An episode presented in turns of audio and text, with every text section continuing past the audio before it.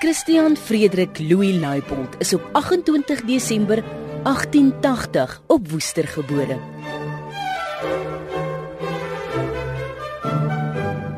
Christian Frederik Leipold, die vader van C. Louis Leipold, is in 1844 op Wuppertal gebore.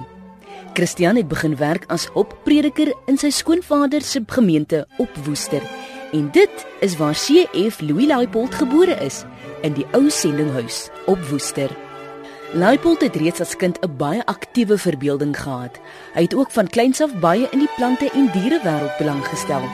Hy het op die grondvloer van hul skool en speelkamer in die pastorie gespit en graan gesaai, iets wat sy moeder glad nie aangestaan het nie. Hy het ook graag op hul erfplante soos bessies en wortels en klein diertjies soos geitjies, skerpioene en spinnekoppe gesoek. Hy het ook van jongs af nie net 'n aanleg vir skryf nie, maar ook 'n liefde daarvoor geopenbaar. Sy moeder was die een wat vir hom papier gekoop het om te krabbel en as sy vader daaroor gekla het, was haar antwoord: "Nee, hy's besig om te leer. Elke vel papier wat hy gebruik, bring hom nader aan sy doelwit."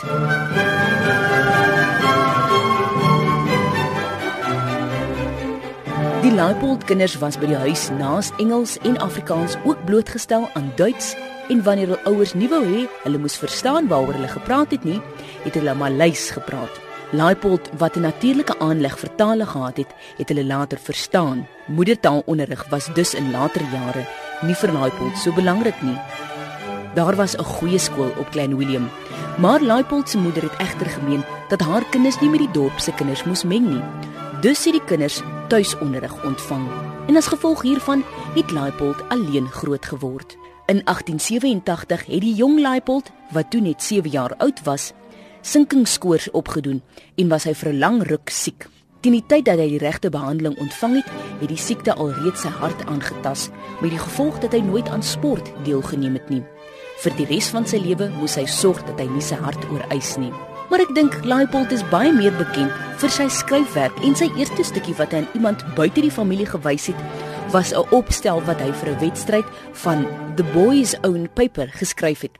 Hy het 'n goue sertifikaat as wenner van die afdeling van 12 tot 16 jaar ontvang, asook 10 shillings.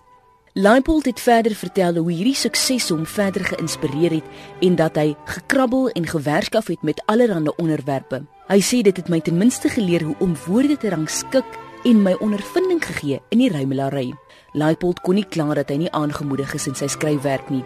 Sy vader het aan hom onderwerpe vir sy opstelle gegee en kritiek uitgespreek. Hy het ook die jong Leipold bekend gestel aan goeie letterkundige werke, soos die klassieke werke in Engels, Duits en Latyn. Maar soos enige ontluikende jong skrywer, wou Leipold sy werk in druk sien. Hy sê ek het my eerste stukkie wat vir my goed genoeg gelyk het toe ek 13 jaar oud was in die August in druk gesien en dit was vir my miskien die heerlikste en gelukkigste dag van my lewe. So het ons Louis Leipold leer ken op verskeie vlakke, maar sy groot passie was kos en wyn. Hy was dan onder andere 'n joernalis, tuinboukundige, dokter, 'n kok, skrywer, digter en ook dramaturg.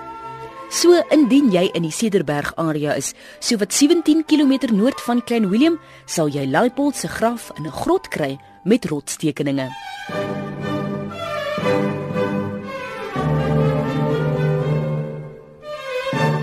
En as 'n vrou moet ek byvoeg dat een van die beste sêgoed van C. Louis Leipold is: Waak oor die stem, let op die siel, behou die beste wat ons nasie het die vrou.